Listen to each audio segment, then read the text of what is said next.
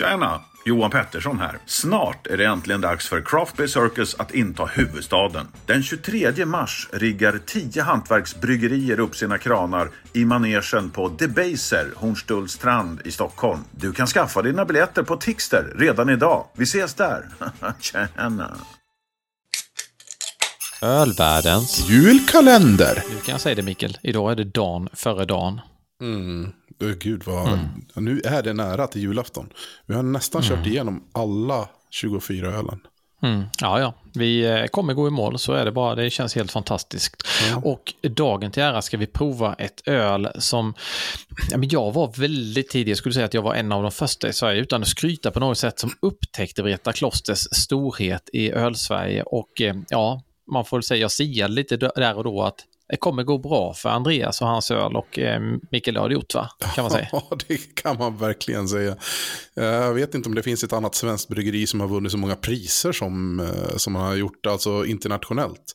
Eh, Nej, och, och, och just när det kommer till årets julöl så måste man ju också, jag har inte provat årets julöl men där är det som så att han, han ökar den batchen för varje år, ändå räcker det inte. Senast idag såg vi, vi spelade in detta 22.12, att han har ju typ sålt slut på 10 000 flaskor. Och då har han ändå ökat upp från 8 tror jag det var till 10 000. Så ja, Ja, ja, han, har, han har ökat, eh, jag läste där att han, han har ju ökat med några tusen varje gång och ändå så sä- säljer det slut. Så det, det är helt fantastiskt. Det är stor eloge och grattis.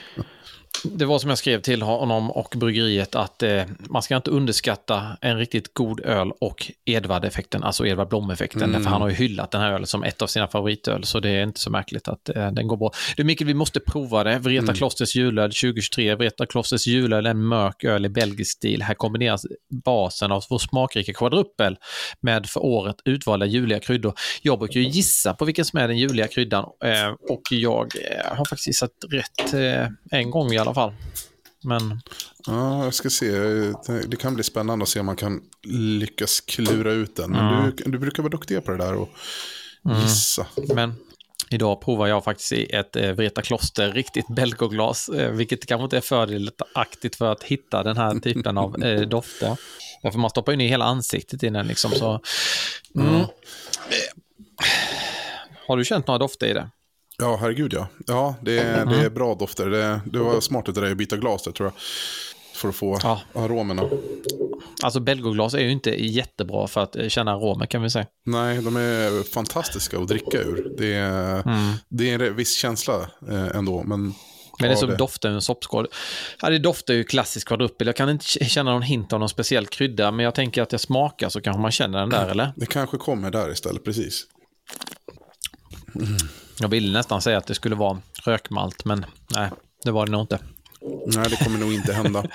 Fenoler kan ju upphov till lite rök i och för sig, så Ja, det kan det göra. det, Det- det- man- skulle kunna... Mm. Det är många som kan känna, alltså i viss typ av veteöl så kan de tycka att eh, de känner en viss rökighet fast det absolut inte finns det. Så att, Alltså det är en rejäl pjäs på liksom 10,6 procent och det känns ju att den, det är alkoholvärme i denna va? Ja, det är alkoholvärme i den här. Eh, bra karamellighet. Min är lite för kall. Det är som vanligt att springa in i sista sekunden och inte hunnit eh, liksom, eh, värma upp i förväg ordentligt. Men eh, det är... Jag sitter och värmer den i handen just nu. Men eh, Men det är väldigt, väldigt gott och så fort den har kommit upp i lite temperatur och kommer den smaka ännu bättre. Men ja, det är mycket torkad frukt och farinsocker och precis det man kan tänka sig att en kvadrupel ska liksom innehålla. Jag bara säga kvadrupel eftersom du säger kvadrupel. Innan så är kvadrupel innan jag lärde känna dig, men nu säger jag kvadrupel. jag- förstör jag dig nu? För jag säger antagligen fel. För jag har väl typ eh, läst det någonstans och sen så blir det så automatiskt i min hjärna. Men du, kan vi hitta kryddan eller? Alltså, jag tycker att jag känner väldigt mycket lakritstoner i den här. Så jag börjar vara inne på om det är stjärnanis. Jag tror, inte, jag tror det var förra gången, så jag har väldigt svårt att se att det skulle vara det denna gången Ja, med. okej. Men eh, du kan ha rätt. Jag säger inte att du har... Okej. Mm. Jag måste värma mig lite till bara så ska vi se. Alltså jag, jag tycker den är lite sådär... Jag skulle säga att det finns någon typ av glöggkrydda, en vild, äh, vild gissning. Att den är lite... Att det, och vad ingår i glöggkryddor? Det vet jag knappt. Alltså. Men om jag måste säga något så säger jag Det här var skitsvårt. Ja. Jag drar till med kardemumma. Jag drar till med kardemumma. Det är en Men det, gissning. jag hade inte kommit fram till det själv, men när du säger det så hittar jag ju kardemumma Mm. i det. Det gör jag. Ehm, men eh, jag, Ja, vi, vi, vi chansar på det bara. vi chansar på det och hoppas på att vi någonstans har rätt. Okej, är det ett slutgiltiga svar? Ja, vi gissar på kardemumma.